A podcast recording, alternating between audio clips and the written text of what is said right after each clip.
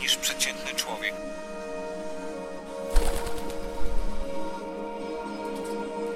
Nauka już wie, że składamy się i z materii, i z ducha, a poruszanie się po materii mamy jako tako opanowane, to jest jakoś jasne. Zaś świat ducha to jest ciągle zagadka, niepewność, podejrzenie, brak zaufania. Każdy z tą zagadką radzi sobie jak umie, indywidualnie, zespołowo, a nawet narodowo. Bo rozumienie duchowej rzeczywistości, rzeczywistości poniekąd energetycznej, jest uwarunkowane kulturowo, ewidentnie, chociaż w jakimś stopniu pewnie jest więcej rzeczy, które wpływają na to, jak rozumiemy, jak czujemy duchowość. To bardzo intrygujący temat. Ja mu się bardzo uważnie przyglądam i dotykam ducha miejsc, w których bywam. Dotykam spraw, spraw i takich przestrzeni mentalnych ludzi, których poznaję, wyjeżdżając, podróżując albo spotykając ich po prostu na swojej drodze. Ducha krajów jakoś chłonę, czasami w zachwycie, a czasami w takich mniej oczywistych emocjach, ale zawsze z pewnym zdziwieniem, że tyle jest pomysłów, tyle jest dróg, które w gruncie rzeczy prowadzą do tego samego celu. A o duchowym obliczu Albanii rozmawiałam z bardzo fajnymi ludźmi, także z mieszkającym tam od dziewięciu lat Robertem Gizą, który żyje wśród Albańczyków, mówi już po albańsku, cieszy się ich zaufaniem i dlatego może widzi, że widzą według mnie więcej niż przeciętny człowiek, niż my. Dlaczego? Tak jakby ta wiara w to trzecie oko i tak dalej, i tak dalej, e, troszkę coś w tym jest. Podejrzewam, że w tym jest coś więcej niż coś, ale byłaby to rozkmina na taki dłuższy odcinek. Tymczasem nasza rozmowa miała miejsce na plaży w Orikum, magiczne miejsce Czaremary Hokus Pokus, dużo wody, pięknej, Morze Jońskiej, Morze Adriatyckie, jednocześnie się tutaj w tej okolicy łączy. Więc y, z tym szumem morza i w odgłosach codziennej pracy sąsiadów z zapłotu ta rozmowa zaczęła się tak. Kiedy ludzie szukają duchowości, chętnie wyjeżdżają do Indii i tak się kojarzy z e, jakąś egzotyką życie duchowe, ale mamy takie opowieści na wyciągnięcie ręki, niezwykłe, fascynujące. Życie duchowe to też e, rozmaita codzienność, czy w Albanii, która nie kojarzy się tak jak Indie z jakimś tam głębokim e, duchowym poruszeniem. Ludzie zwracają na to uwagę, czy jakoś wędrują jakimiś ścieżkami, czy mają zabobony, które są nie wiadomo skąd, a są ciekawe inne, jakieś ważne? Jak to wygląda na co dzień? Generalnie, gdybyśmy mieli tak uogólnić, to Albańczycy są bardzo uduchowieni, bardzo zwracają uwagę na pewnego rodzaju przesądy, ale też oczywiście religia odgrywa bardzo ważną rolę w ich życiu, tak? Bez względu na to, w co wierzą, czy są to katolicy, czy są, jest to islam, czy są to muzułmanie, tak? Nie ma to znaczenia. Generalnie religia odgrywa w ich życiu bardzo ważną rolę, chociaż sami przed sobą często do końca się nie przyznają do tego i jeśli by się przeciętnego Albańczyka zapytało, jakiego są wyznania, czy jaką religię uznają, to ich odpowiedź brzmi, brzmi że są Albańczykami. Dla nich Albania to jest wyznanie punkt widzenia, czyli przez pryzmat albańskości powiedzmy, kierują się ideałami tak tak dalej. Na pewno można powiedzieć, że są patriotami, ale ich patriotyzm powiedziałbym, że ogranicza się głównie do rodziny. Ich korzenie to jest patriotyzm. Bardzo dużo ludzi, którzy wyemigrowali do Włoch, często nielegalnie, pontonami i tak dalej, wracają już teraz w sposób oficjalny i legalny do Albanii, do swoich e, dziadków, e, również w miejsca, w których się się wychowywali, bardzo dużą wagę do tego przywiązują i wręcz czczą te miejsca. Parę dni temu spotkałem człowieka, który mieszka od wielu, wielu lat we Włoszech, tam prowadzi firmę. Oczywiście z pochodzenia jest Albańczykiem. Jego syn, wiek około 23-24 lat. Na moje pytanie, czy jest Włochem, odpowiedział nie, jestem Albańczykiem. A jak go zapytałem, a gdzie się urodziłeś? No niestety we Włoszech. Trzeba wiedzieć o jednej rzeczy. Tak jak w Polsce było powiedzenie e, gość w dom, Bóg, Bóg w dom, tą samą zasadę wyznają Albańczycy. Czy możemy powiedzieć, że duchowość to dla Albańczyka taki świat wartości? Mocnych wartości, które cały czas są aktualne i które się traktuje serio? Na pewno tak, odgrywa to bardzo ważną rolę. U nich te wartości są przekazywane z pokolenia na pokolenie. Natomiast oczywiście, niestety to też trzeba powiedzieć, że młode pokolenie, to najmłodsze teraz, wychowywane w dobie TikToka, Facebooka i innych portali społecznościowych, to już nie będzie to samo. Te wartości troszkę e, idą w zapomnienie.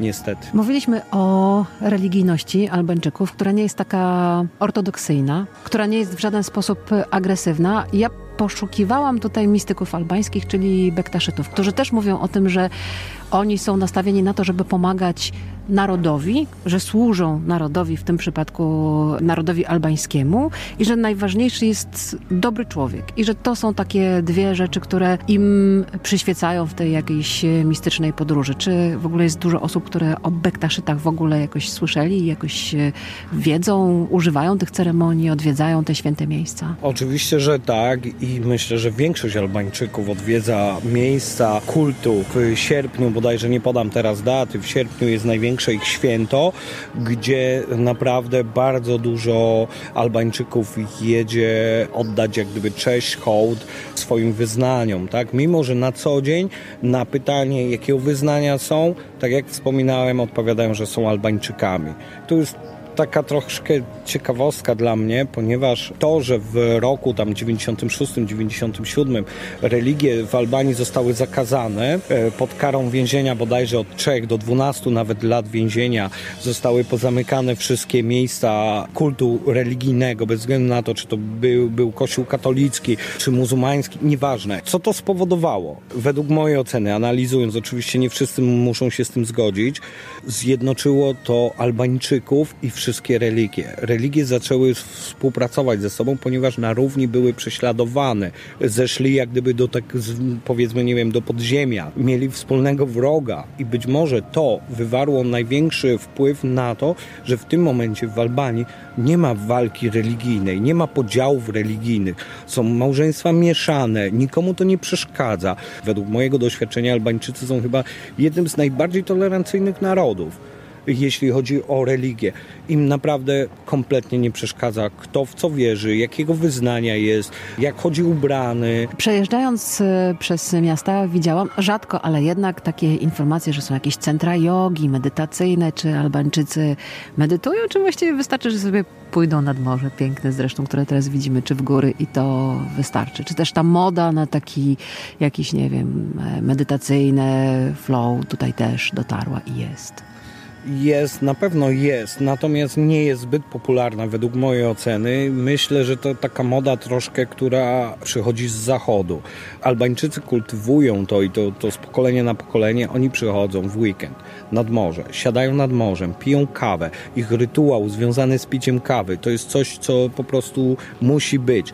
Podziwiają piękno, podziwiają widoki, wyciszają się. Albańczycy uwielbiają spacerować i to robią, potrafią robić codziennie w okresie letnim robią to codziennie, bez względu na to, w jakim wieku są. Są to zarówno ludzie młodzi, jak i ludzie w wieku 80 paru lat. Określane jest to przez nich jako giro giro, czyli takie chodzenie bez celu tak naprawdę. Oni sobie spacerują, rozmawiają ze sobą, spotykają się, witają się i to można łatwo wieczorami w okresie letnim zaobserwować, jak miejscowi sobie po prostu spacerują. Albańczycy według mojej oceny na początku było troszkę dla mnie nawet przerażające widzą według mnie więcej niż przeciętny człowiek, niż my.